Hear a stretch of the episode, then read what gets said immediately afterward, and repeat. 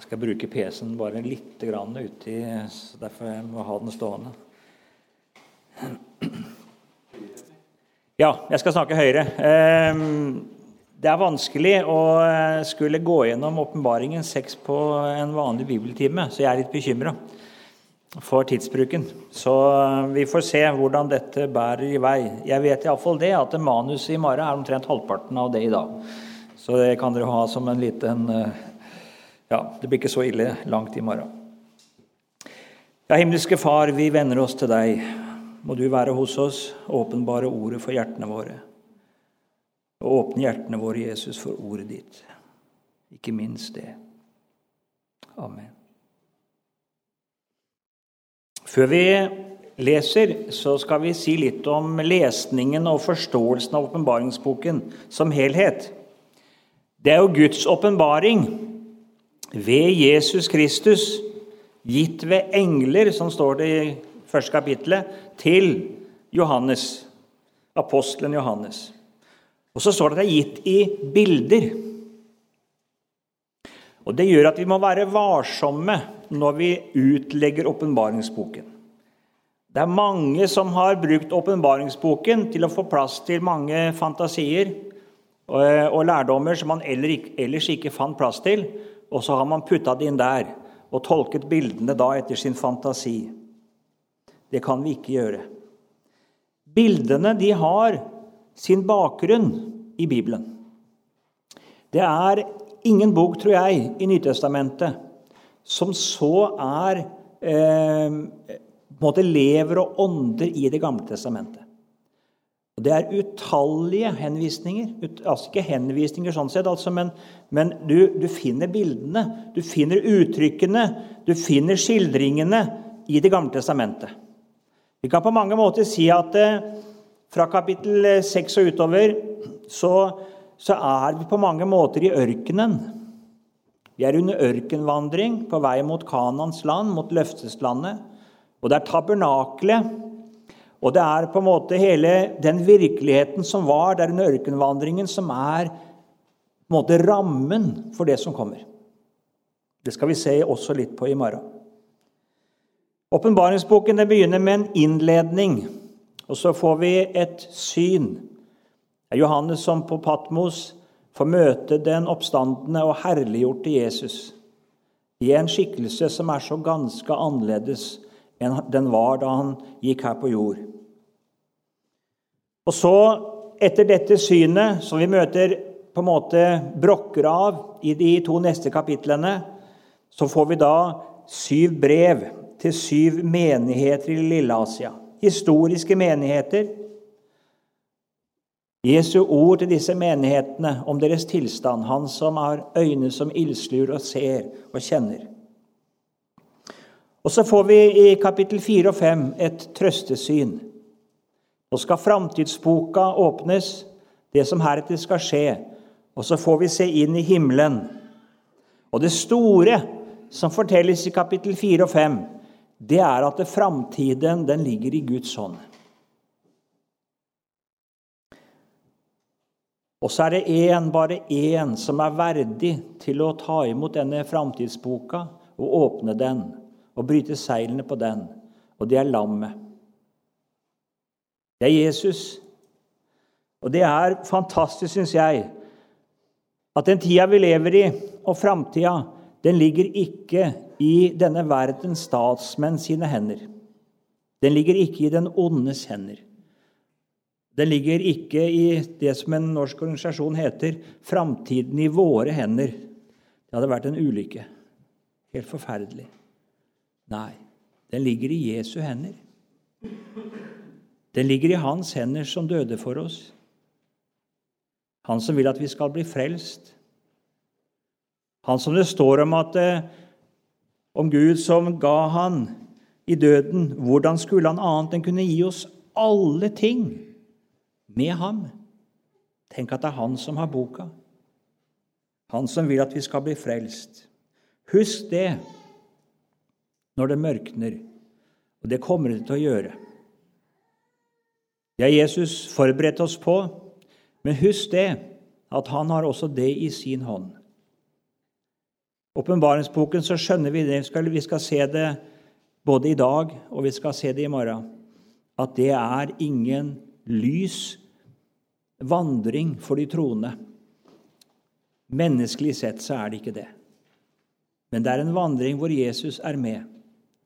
Vi hørte om de elleve av de tolv som led martyrdøden av apostlene. Den tolvte møtet i åpenbaringsboken. Han er forvist på øya Patmos. Og Det er på mange måter de troendes historie. Det er en lidelsesgang, det er en ørkenvandring mot løfteslandet. Husk hvilken tid også dette ble forkynt inn i første gang. Det var en forfølgelsestid, hvor mange led døden på arenaen og ble forfulgt. Men alt som skjer, det er i Jesu hender. Denne framtidsboka det var jo en bokrull. Nå har ikke jeg en så flott bokrull, men jeg må ikke låne et ark av Gunnar for å demonstrere litt.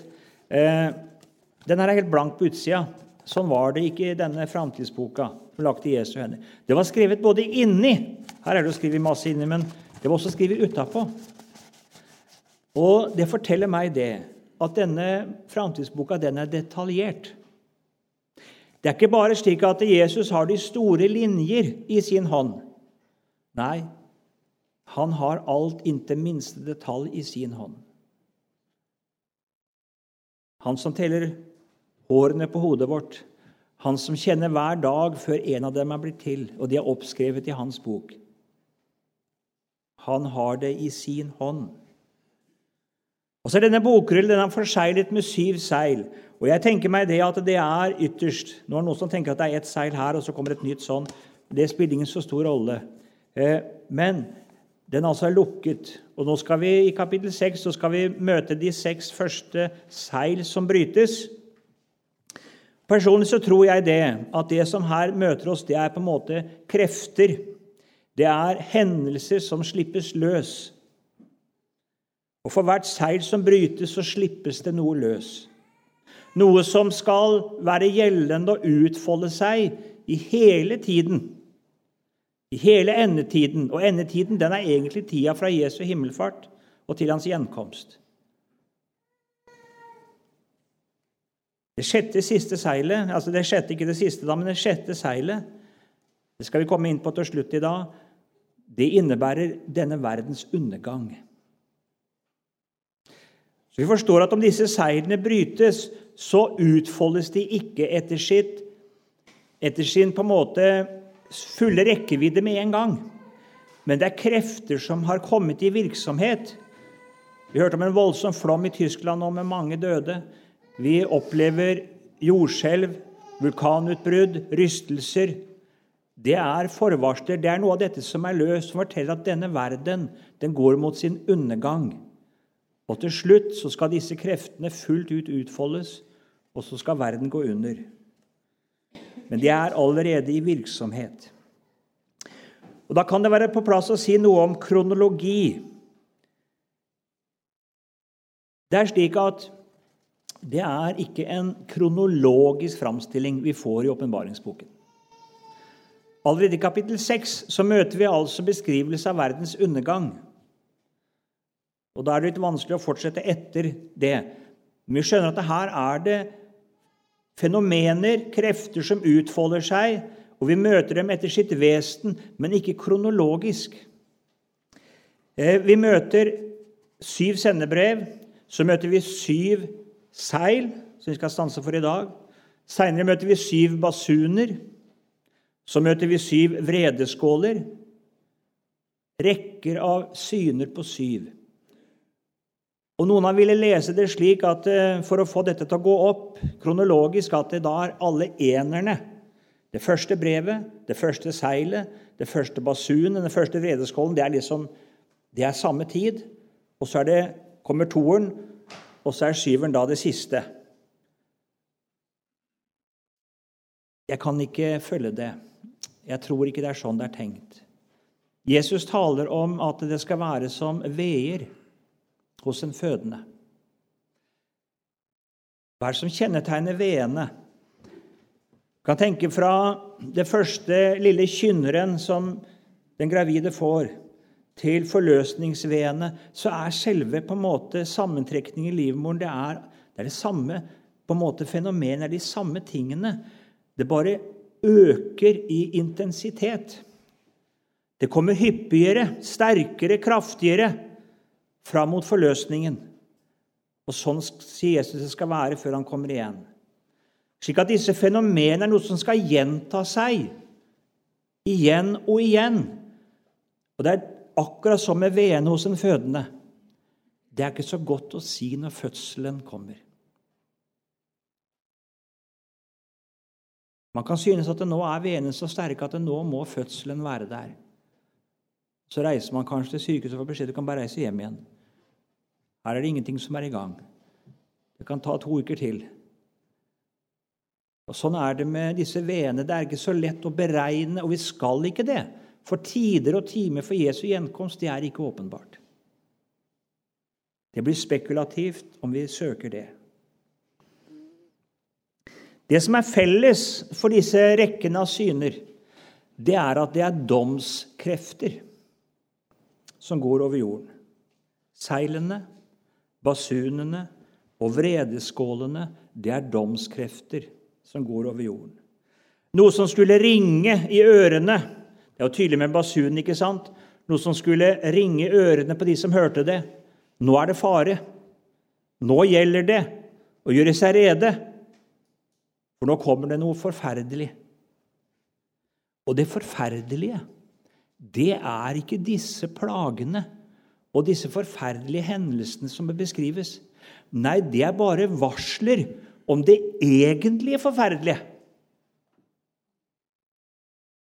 Det er dommens dag. Det er varsler om å gjøre seg rede. Det er jo disse plagene vi skal møte nå. Vi møter mange naturkatastrofer. Vi møter krig. Vi møter pest. Vi møter alle disse tingene. Det er jo det som tidsånden, som vi hørte om i forrige time, det er det som politikerne bruker all tid og krefter på. Hvordan skal vi løse det? Vi må få nedrustning, så vi kan få fred. Vi må få ordnet med miljøet, så vi kan berge jorda. Vi må få, vi må få virusbekjempelse på den og den måten, sånn og sånn, så vi kan hindre pest, osv. Det er symptombehandling på dette. Det er altså noe som er viktigere. Og for oss som er troende, når skipet som vi hørte om, er i ferd med å gå ned, da er det ikke inneklimaet vi skal være opptatt av i, i båten, men da er det å komme i livbåten. Mens det ennå er tid. Det er det som disse synene skal fortelle oss. I de tre rekkene av syn så er det sånn at uh, veldig ofte så hører de fire første sammen. Det er en viss indre sammenheng i dem. Og så er det ofte slik at det femte og sjette hører til en viss grad sammen. Ikke alltid, men til en viss grad. Og så kommer det syvende, som ofte ikke har et eget innhold, men så åpner for en ny rekke av syn. Sånn er på en måte sammenhengen i disse syv, disse syv syklusene. Da skal vi lese de åtte første versene i Åpenbaringen 6. Og vi leser i Jesu navn. Og jeg så da lammet åpnet et av de sju seil, og jeg hørte et av de fire livsvesener si som med tordenrøst, Kom! Og jeg så og se, en hvit hest, og han som satt på den, hadde en bue, og det ble gitt ham en krone, og han dro ut med seier og for å seire. Da lammet åpnet det andre seilet, hørte jeg det andre livsvesen si 'Kom'. Og en annen hest dro ut, som var rød. Han som satt på den, ble det gitt å ta freden bort fra jorden, så de skulle slakte hverandre, og det ble gitt ham et stort sverd. Da lammet åpnet det tredje seilet, hørte jeg det tredje livsvesen si, 'Kom'. Og jeg så og se en svart hest, og han som satt på den, hadde en vekt i hånden. Jeg hørte liksom en røst midt iblant de fire livsvesener, og den sa:" Ett mål hvete for én denar, og tre mål bygg for én denar. Men oljen og vinen skal du ikke skade. Da lamet åpnet det fjerde seilet, hørte jeg røsten av det fjerde livsvesen som sa, Kom. Da så jeg og se, en gulblek hest. Han som satt på den, hans navn var Døden. Og dødsriket fulgte med ham, og det ble gitt dem makt over fjerdedelen av jorden, til å drepe med sverd og med hungersnød og med pest og ved villdyrene på jorden. Vi møter her først bare nevne dette med livsvesen. Dette møter vi hos Esekiel. Også uttrykket livsvesen. Det er kjeruber, mektige engler. Eh, og de har skikkelse av ansikt av menneske, løve, ørn, okse.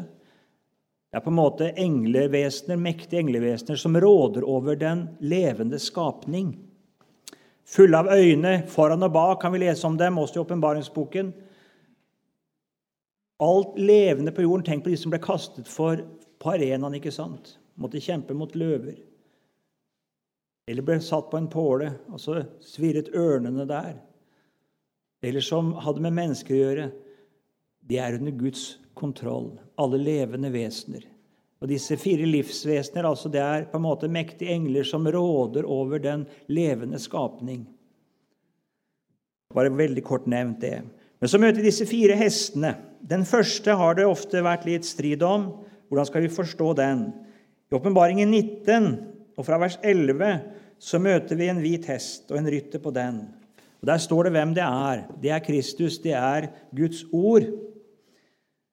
Og De som leser da denne hvite hesten her i lys av Åpenbaringen 19, de leser da dette som evangeliets seiersgang over jord.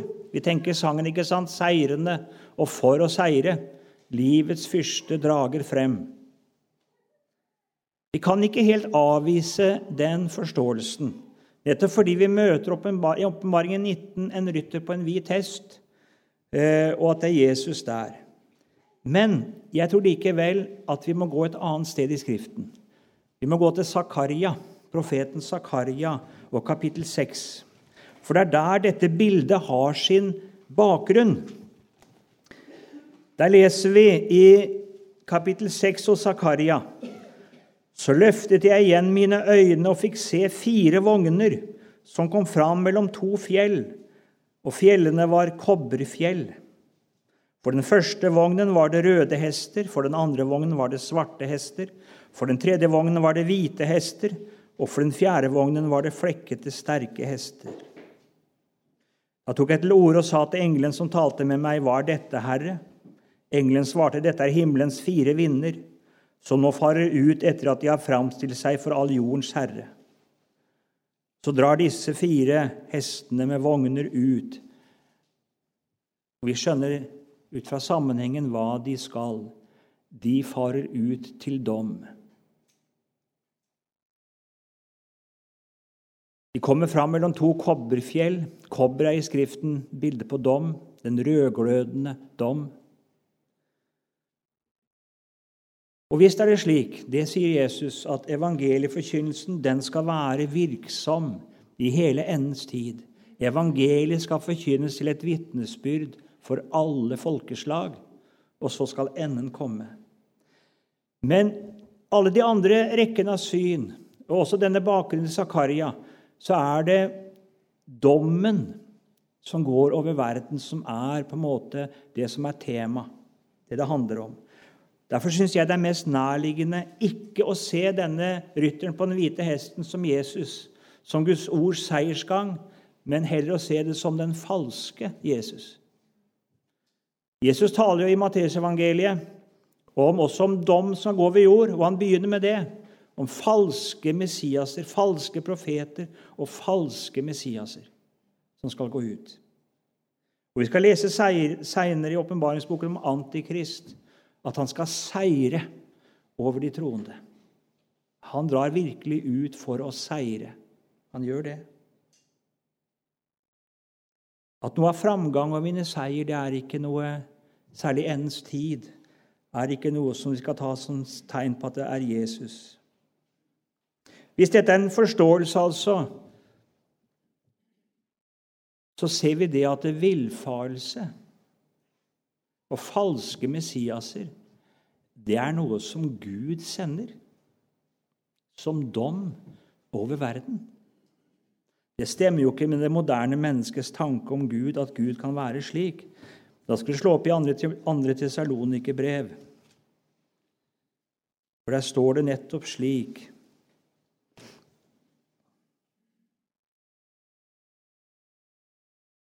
Vi kan ta med fra vers 9 der. 2. Tessaloniker 2, vers 9. Den lovløse, det er Antikrist, kommer etter Satans virksomhet med all løgnens makt og tegn og under. Det skjer med all urettferdighetens forfølelse blant dem som går fortapt, fordi de ikke tok imot kjærlighet til sannheten så de kunne bli frelst. Derfor sender Gud dem kraftig villfarelse, så de tror løgnen.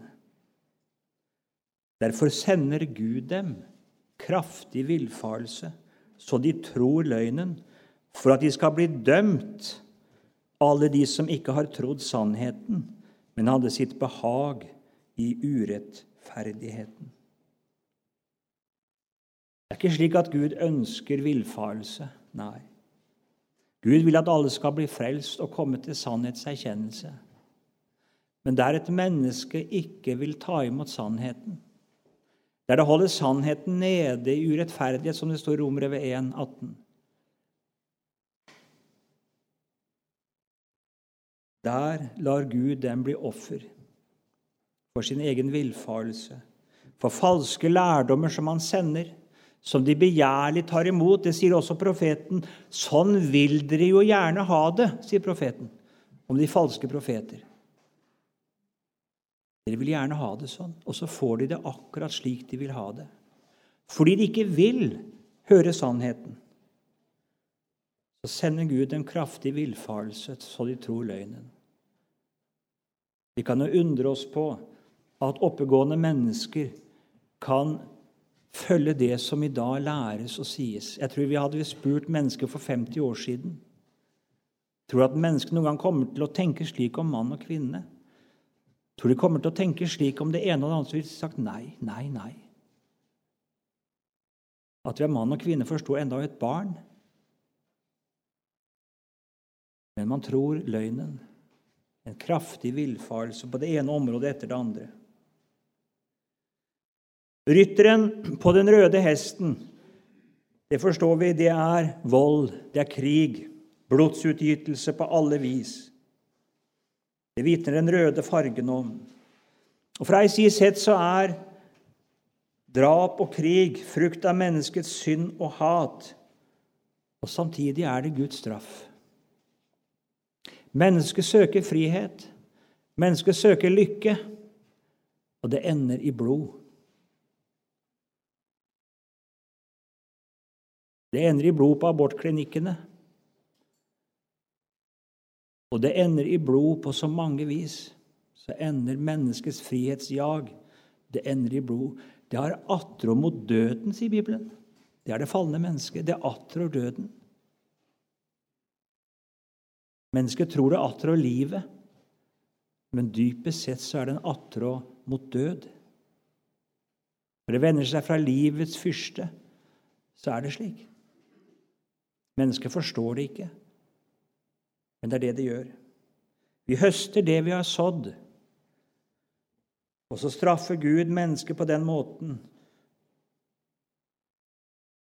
Og han ønsker ved krigens redsler så ønsker han å bøye menneskehjertene. Han gjør det.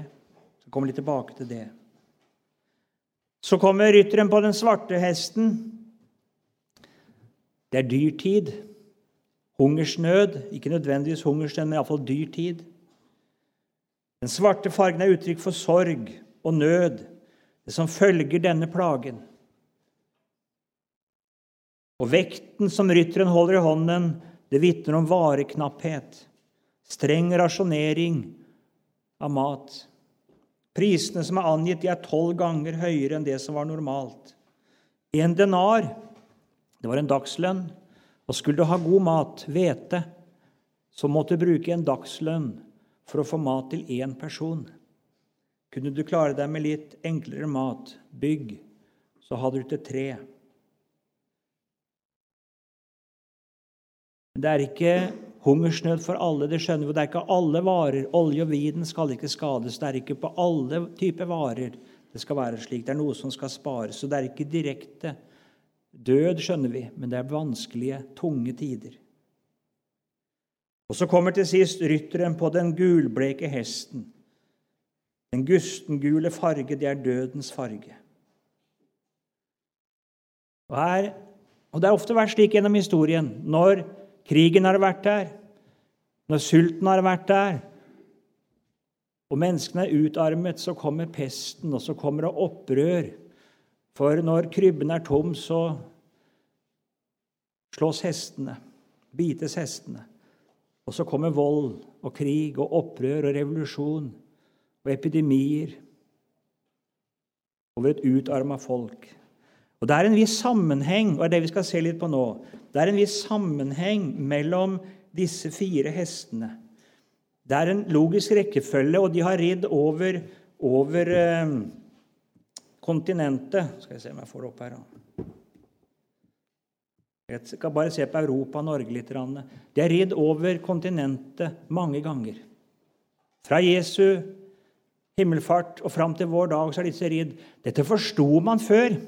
Ser du gamle malerier, så ser du av og til det som kalles 'mannen med ljåen', ikke sant? døden. Du ser ofte på en slagmark så ser du en hest, og så ser du en, en, ofte en sånn kuttekledd person med en ljå. Blant alle disse forskjellige personene og dyrene så ser du det. Det var døden. Han hadde lest åpenbaringsboken og tenkte nå har han vært der igjen. Nå har han ridd, denne rytteren. Vi skal ta dere med på et par, par, par sånne runder og se på det. Guds straffedommer over et folk det kommer alltid som et resultat av at de har vendt seg bort ifra sannheten. Det er bakgrunnen. Derfor så følger ofte dette her i vekkelsens fotspor. Der ord ikke ble til vekkelse og liv, så ble det til forherdelse og frafall, ugudelighet og opprør. Og menneskene søker fred, de søker frihet, de søker lykke. Og isteden så møter de dem krig, nød, pest, revolusjon.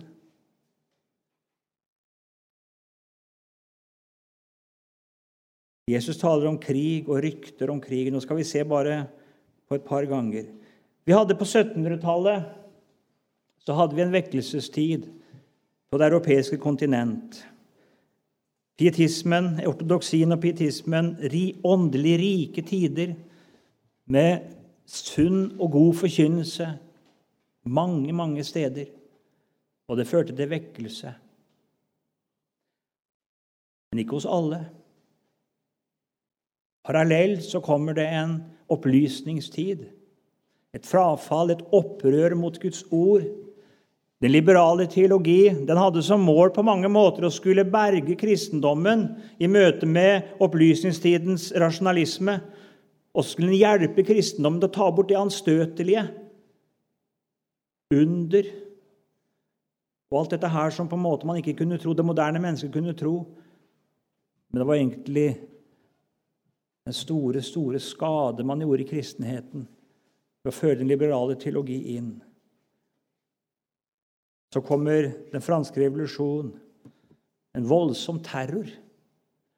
Frihet, likhet og brorskap, sa man. Det kom et terrorregime i, i Paris og i, i, i eh, Pariserkommunen som var helt grusomt.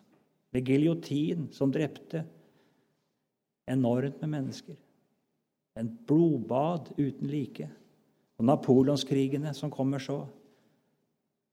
Forferdelig blodbad. Det er, og revolusjonen var nett i opplysningstidens ånd. Kristendommen skulle vekk. I Frankrike så fjerna man sjudagersuka. Man innførte tidagersuke. Man skulle ikke ha noe med den bibelske skapelsen å gjøre. Man fjernet navnene, laga egne nye navn på dagene. Fjerna de kristne høytidene. Vekk med kristendom. Nå var det frihet. Det endte i blod. Forferdelig blod over hele Europa. Vi har lest om Terje Vigen, ikke sant? Du kan lese om, om, om kvinnetoget til Versailles. De sulta i Frankrike. Det ble bare sult og elendighet. De ville ha brød. I Versailles så møtte de, Der kom kongen ut, og han gikk der i slitte klær. Det var fattigdom helt oppe i kongehuset. Nå var ikke kongen noe særlig populær under revolusjonstiden, så det var ikke mye han fikk. Men de, det, var, det var uår på uår i denne tida. Og det ble fattigdom og brødmangel og kornmangel i hele Europa. Dyrtiden. Og så får vi tida etter 1814. Det er revolusjoner. 1848 er et sånt veldig revolusjonsår i Tyskland. Marx og andre står fram. Og det er ikke gode tider. Det er uro, det er opprør, det er sult, det er epidemier. Folk er utarma. Så får vi en Nå flytter på mange måter hestene seg litt lenger nord. Vi får en veldig vekkelsestid i Norden på 1800-tallet. Haugiansk vekkelse, roseniansk vekkelse. De har det også i Europa. Også på Storbritannia har det også vekkelser. Det går vekkelser der òg. Og så kommer, Darwinisten er jo i og for seg tidligere, men nå kommer den virkelig bryter igjennom. Og Liberalteologien bryter igjennom enda en gang. Og vi får det vi i Norge kaller det moderne gjennombrudd på slutten av 1800-tallet. Garborg han skriver om, ikke om den bortkomne sønnen, men den bortkomne faderen. Han har mista Gud. Og det gjør den ene av de store eh, forfatterne etter andre. Over evne, skriver Bjørnson. Han er fremmed for kristendom. Forstår den ikke. Ibsen han skriver det at hvis han ser løfter øynene mot det høye, så blir han blenda av lyset, så han graver heller i gruvene. Han tenker på sjelens irrganger. For han forstår seg ikke noe på dette som har med lyset fra det høye Sier man menneskene steiner for brød. Og Samtidig er det en fantastisk framtidsoptimisme. Jeg hørte en tale av Bo Gjert for mange år siden. I min studietid. Han fortalte han var vokst opp i et ateistisk hjem, faren var lege. Og den optimismen rundt 1900-tallet Det skulle bli barnets århundre. Pedagogene skrev om det. Det skulle bli fredens århundre. Nå var man lagt kristendommen bak seg som årsak til all elendighet. Nå skulle det bli fred. Det var fredskonferanser i London, i Paris, i Moskva. Man samlet seg. Nå skulle det ikke lenger være krig. Man har kommet forbi det. Nå var han blitt så opplyst. Nå skulle det bli fred. Og Så smeller et skudd i Sarajevo, og så er det et blodblad løs i Europa som Europa ikke hadde sett. En skyttergravskrig og en brutalitet og blod. Rytteren på den røde hesten fulgte i frafallets fotspor stikk imot alt det som frafallet lovet av frihet, av fred, av framtid. Og så kommer 30-årene med sin dyrtid. Og så kulminerer det alt sammen i et forferdelig blodbad igjen i den andre verdenskrig. Så fikk vi en vekkelsestid på 50-tallet Norge, i Danmark, til dels i Sverige. Ikke som vekkelsene på 1800-tallet, nei. Ikke som pietismens tid, men noe. Så fikk vi et ungdomsopprør og et frafall fram til våre dager som Det er helt forferdelig, det vi opplever. Og så venter vi på rytteren, på den røde hesten. Han er der i abortene. Jeg vet ikke hvor mange hundretusener som dør i Europa hvert år. Men det skjer skjult på sykehusene. Men det er som den verste krig og blodbad. Og vi opplever terror. Så vi har nok noe av den røde hesten. Og likevel, jeg tror han skal komme på skarpere vis. Det har alltid vært slik. Det er en indre lovmessighet i disse rytterne. Det kommer. Det kan ikke fortsette sånn som vi holder på nå.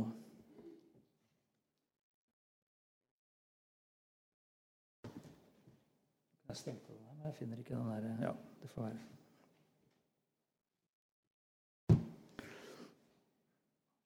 Det settes en grense for rytteren på den gustengule hesten. Han får bare makt til å skade en fjerdedel av jorda. Det settes en grense for hvordan krig og pest og hungersnød skal ødelegge jorda. Når vi ser på basunene og vredeskålene, så øker omfanget. Basunene er en tredjedel. Vredeskålen er det totalt. Da er det bare dom. Da er det ingen nåde lenger. Da er Guds vrede blandet. Da er den ublandet.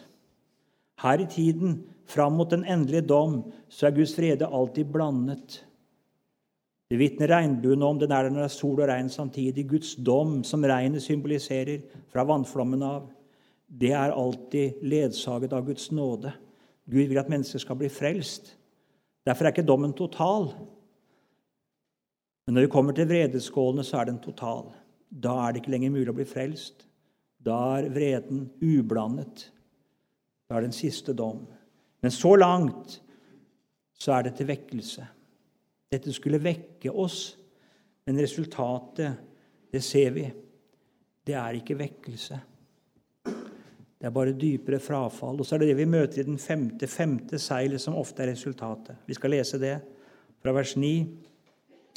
Og, under, og da lammet åpnet det femte seilet, så jeg under alteret dere sjeler som var blitt slått i hjel for Guds ords skyld, og på grunn av det vitnesbyrd som de hadde.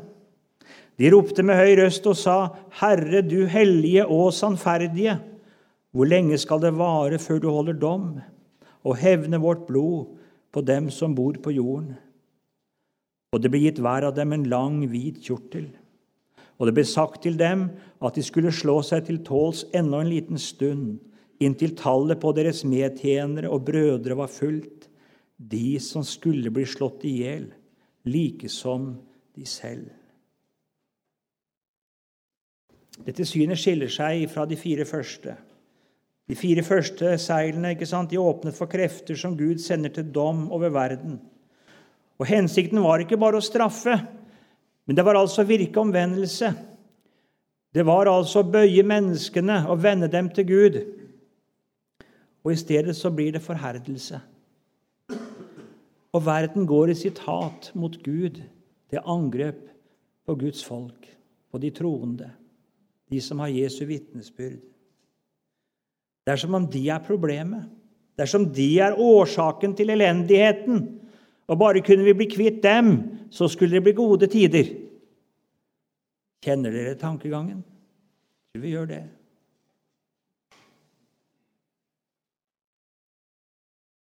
Det er det store problemet for mange. Den kristne forkynnelse om hva som er synd. Ikke minst talen om at det som vi opplever av plager, at det har noe med Gud å gjøre. At det er Gud som holder dom, og at det er en dom, at det kommer en dom. Det uroer mennesket i det samvittighet. De kan ikke få synde fritt. Det er det de vil. Det er derfor de vil ha aksept. Det er derfor man vil ha Er, er de homofile og trans og sånt? Er de opptatt av kjerke? Er de det? Nei. Hvorfor skal de ha velsignelse da? Jo, for de vil ha samvittighetsfred. Det de vil ha. Derfor er det så om å gjøre. Det er ikke fordi de er opptatt av å ha med Gud og Bibelen å gjøre. Det gjelder å ha samvittighetsfred, og her er de troende et problem.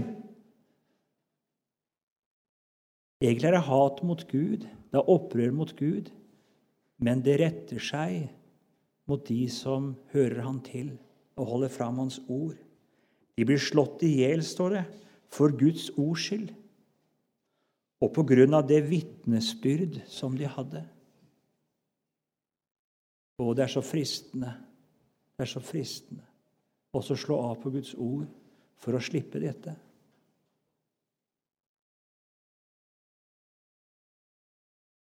Kortvarig å slippe unna.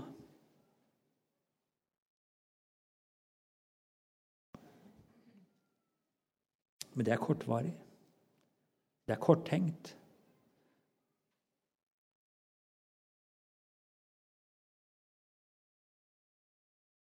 Tenk på de første apostlene. De gikk ut fra Det høye råd glade over at de var akta verdige. Lide for Jesu navns skyld. Det er en annen. Tenk for en tankegang.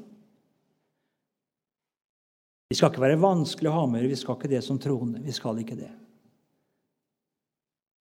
Vi skal frimodig holde fast på Guds ord, frimodig forkynne det. Frimodig taler slik som Guds ord taler, at mennesker må bli frelst.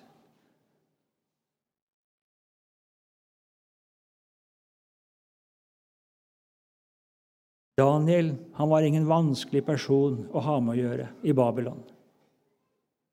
Og likevel, han kunne ikke bli tålt. For det var en annen ånd i ham. Det var et vitnesbyrd fra livet hans som ikke kunne tåles. Lever du som en kristen, så er det slik. Jeg kommer litt tilbake på det også i morgen. Verdens forherdelse og hat og forfølgelse av Guds ords vitner har også en annen funksjon. Det skjønner vi her. Det modner verden for Guds dom. Det er et tall som skal bli fulgt. Det er et syndemål som skal fylles. Gud lar verden ha en tid. Sånn var det i Kanan. Der, der ble, der ble eh, Abraham og familien, eller Jakob og familien tatt ut, ført til Egypt, mens Kanan fylte syndemålet. Og Først når det var fullt, så ble kanonerene skulle de utryddes. Da var det ikke noen nådetid lenger. Sånn har Gud også verdens synde og fylle sitt syndemål. Den modnes for den endelige dom. Den får så alle muligheter til å omvende seg. Og så står den imot, og så går den til krig mot de troende. Og Gud lar det skje. Han har ikke mistet kontrollen. Ikke tenk det. Når det ser ut som vi som troende har det korteste, får det korteste strået, at vi lider, og at alt går imot Det er ikke fordi Gud har mistet kontrollen. Det er ikke det. Vi skjønner martyrene her. De roper. De undrer seg. Hvor lenge? Hvor lenge, Gud, før du holder dom? Det er ikke hat, det er ikke, det er ikke hevnlyst, men det er et rop om rettferdighet.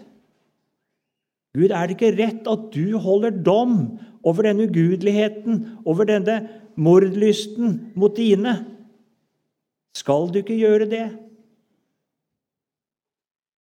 Og Gud er barmhjertig. Tenk så uendelig barmhjertig mot en verden som står han imot. At han lar denne verden gjøre hans eget folk til martyrer fordi han vil at de skal bli frelst. Han har tål med dem.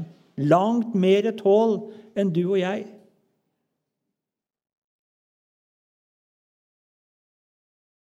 Tenk det. Du ser det her. Hvilket tål han hadde med deg og meg. Og han lot sin egen sønn lide. Hadde ikke vært mye rettferdig at han holdt dom, holdt dom over oss enn over sin sønn? De er regna som slaktefår, sier apostelen Paulus i Rombrevet 8, vi som er troende. Vær innstilt på det. Vær innstilt på det at du er regna som slaktefår. Og be om at du kan få noe av det samme sinn som Jesus hadde i møte med denne verdens mennesker. Vi har ikke kamp mot kjøtt og blod. Ikke legg denne verdens mennesker i deres ugudelighet og hat mot de kristne. Ikke legg dem for hat. Nei. Du har ikke kamp mot dem. Be om å få være slik som Jesus var.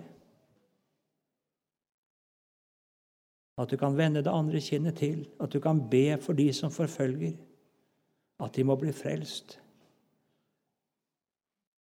Du må ikke vente at den kjærligheten blir gjengjeldt. Det blir den ikke. Men det er du kalt til. Du er kalt til å vandre i hans fotspor du som hører Jesus til.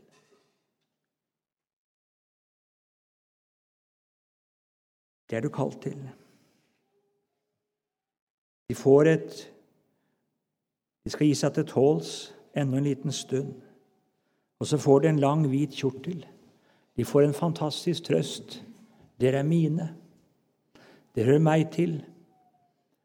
Dere er hellige og rene, dere som er del i Jesus. Dere er himmelen til. Det er deres trøst. Det er den rikdom de har, som de skal gi seg til tåls med. Men de må vente på sin rett. De må vente på at Gud holder dom. Det kommer i sin tid. Når tallet på deres medtjenere og brødre er fullt, de som skulle bli slått i hjel, like som de selv. Er du innstilt på det? Å følge i disse fotsporene? Eller er det minste motstands vei? Som sagt, vi skal ikke være vanskelige. Vi skal ikke legge noen mennesker for hat. Vi har ikke kamp mot dem. Vi har ikke det. Merk deg det. Jeg har ingen sans for å skrive hatske leserinnlegg og, og henge ut mennesker. Nei. Men vi må holde fast på Guds ord, så fast på hva det sier om synden. Det skal vi. Men at de må bli frelst, skal ligge oss på hjertet. Og da må vi si det som vi må si når det er situasjonen og anledningen.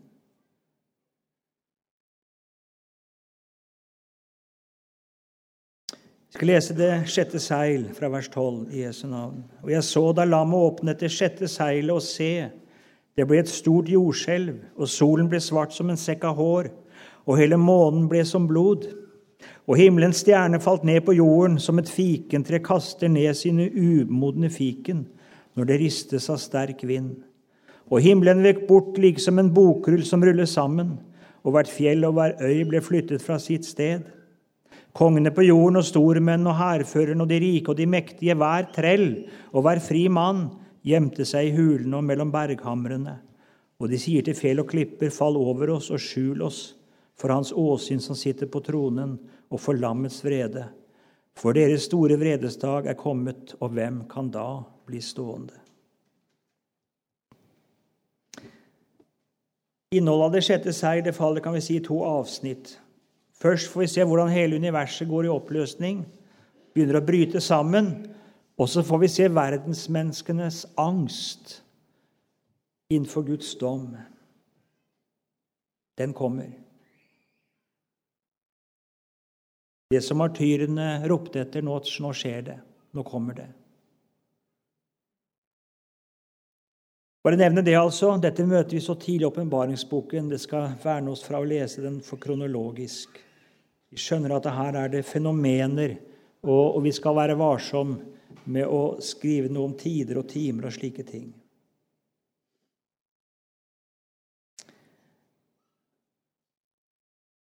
Et veldig jordskjelv leste vi om. Solen ble svart som en sekk av hår. Hele månen ble som blod. Sørgedrakten i Israel den var svartgrå. Den var vevd gjerne av kamelhår og eller geitehår. Og den var sydd sånn at det var som en sekk. Man kledde seg i sekk og aske. Jeg sikkert lest det uttrykket. Eh, triste, grå, grove klær. Det er som sola som er vitne til det som skjer på jorda. Den kler seg i sørgedrakt, forferdet over tilstanden på jorda. Den sørger. Månen den blir til blod. Det er som et gjenskinn. Månen er alltid gjenskinn, ikke sant? Som et gjenskinn av den blod som flyter på jorda. Det er som himmellegemen, altså, på en måte vitner om tilstanden på jorda. Stjernene mister sitt lys. Alt lys, alle himmellys er slukket. Det er bare mørke. Gråt og blod. Jeg har i bilder. Dette her Vi skjønner det, og likevel så skal det skje veldige ting i, på, på, i hele universet. Jeg skal ta med én ting. Det står her at eh, Himmelens stjerne falt ned på jorden som et fikentre kaster ned sine umodne fiken når det ristes av sterk vind. Hvorfor står det umodne, ikke modne? Det skjønner at Når, når, når fikentrær akkurat som et epletre at det er moden, så skal det ikke så mye til før at det faller til jorda. Litt vindpuss, så er det på en måte, det er snart ikke noe som holder det igjen, og så faller eplene eller fikenene. Her er de umodne. Da sitter du mye fastere. Er det ikke sånn? Jo. Jo, jeg tror du skal si det. Verden er ikke moden. Den klapper ikke sammen fordi den på en måte er utbrukt. Denne verden skal ikke gå under i en klimakatastrofe fordi vi på en måte har, har, har drevet eh, At det er det som er problemet. Nei, det er Guds dom som griper inn. Verden kunne for den saks skyld fortsatt lenge, den. Universet kunne gått, og alt kunne gått i sine baner enda lenge. Men Gud griper inn, og så holder han dom før høsten mens det er umodent før høsten. Verden skal ikke gå under pga. miljøet. Den skal gå under pga. Guds dom. Miljøet er bare et vitnesbyrd. Det er bare et varsel om Guds dom. Og Det er fortvilt altså, at i stedet for å tale om Guds dom, så tales det på prekestoler om klima. Det er som jeg har sagt, altså, det er som å skulle gå rundt på, på Titanic og så gjøre undersøkelser og spørre hva vi kan gjøre for å bedre inneklimaet her, mens båten er i ferd med å synke. Da er det ikke tid for det. Da er det tid for å få mennesker i livbåtene. Da er det tid for omvendelse og berging. Det er det det er tid for.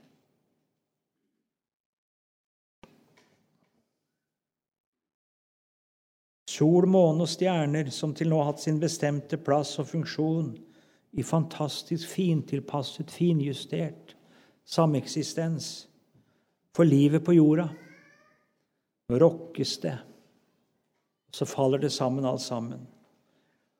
Og det er det menneskene som har levd ut fra den tanke at alt skal bli som det har vært til alle tider, gripes av angst nå skjønner mennesket. Det skjønner. Det skal møte Gud. Det skal stå til regnskap for sitt liv. Og det er, merk deg det, det er ikke verdens undergang som sådan de frykter. Nå frykter menneskene Vi hørte om atomvåpen her. Nå frykter menneskene klima, de frykter pandemi, de frykter alle mulige sånne ting. Det er ikke det de frykter her. Hva gjør vi når det er krig? Når det er store katastrofer? Jo, vi har bygd Det er bygd store tilfluktsrom inne i fjell for å berge livet, har vi ikke det? For å slippe unna katastrofen, så skal vi inn der for å overleve. Men det er ikke det de vil her. De vil ikke inn i tilfluktsrom for å overleve. De vil komme så langt inn i fjell og berger, berg som de kan, for å bli skjult, for å bli knust, så Gud aldri finner dem. De søker en død hvor Gud ikke finner dem. Det er dommen, den som de ikke har fryktet for. De har fryktet for døden, men ikke for dommen. Nå er det snudd helt opp ned. Nå er det dommen de frykter. Døden ville være en befrielse. Hva er de frykter for? Fall over oss og skjul oss for Hans åsyn, som sitter på tronen, og for lammets vrede. Vi hørte det nevnt tidligere på denne samlinga. Når lammet er vred, hvem kan da berge? Han som døde til soning for deres synder. Han som er den eneste redning, han som er det eneste håp, han som er den eneste tilflukt. Når han er vred, da er det ingen nåde. Da er det bare en forferdelig gru for dom og en nidkjærhetens brann som skal fortære de gjenstridige. Tenk om de hadde hatt noe av denne angsten tidligere, mens det var nåde. Tenk om noe av disse rystelsene som hadde vært tidligere, om den kunne ført til det at de fløy til Han som er frelse for syndere. Men nå er det for sent. Det er akkurat som i Noas dager. Døren er lukket. Det er for sent. Jeg tror vi må si det. Skal jeg slutte der? Menneskelig talt så er det slik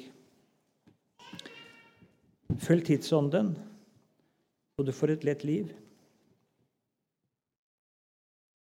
Du kan reke med strømmen.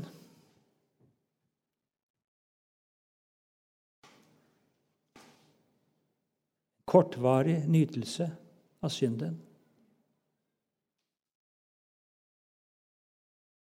Men det er veldig korttenkt. Det er veldig korttenkt. Motsetningen er å lide ondt. Det er det. Med Guds folk. Det er motsetningen. Det er ikke noe annet vi er lovet. Lide ondt med Guds folk. Ikke i ditt rette element, men i en ørken. Menneskelig talt en ørken. Men tenk det, å få leve der en god samvittighet, kledd i Jesu rettferdighetsdrakt, med håp om en evig himmel og salighet. Jeg vil ikke bytte. Men jeg ber om kraft, jeg ber om mot til å holde ut. Jeg tror det skal bli vanskelig. Da må du leve Jesus nær. Og det, så, det vil bli så fristende å snu kappa med vinden. Det vil bli så fristende. Når Jesu kjærlighet vi rett betrakter, sang vi her, og verdens herlighet for intet akter. Og det er det. Det er bare det å få se inn i Jesu kjærlighet til syndere. Hva han utholdt. Å bli grepet av det. Det er bare det som kan bevare deg. Du kan bestemme deg tusen ganger. Den beslutningen den varer ikke lenge. Men Jesu kjærlighet Gleden over syndenes forlatelse. Freden i en god samvittighet. Det kan binde deg fast til Jesus med kjærlighetens bånd så han får holde deg oppe og bevare deg. Ja, kjære Jesus, vi ber om det. La oss få høre deg til og vandre blant dine, så vi kan nå målet. Amen.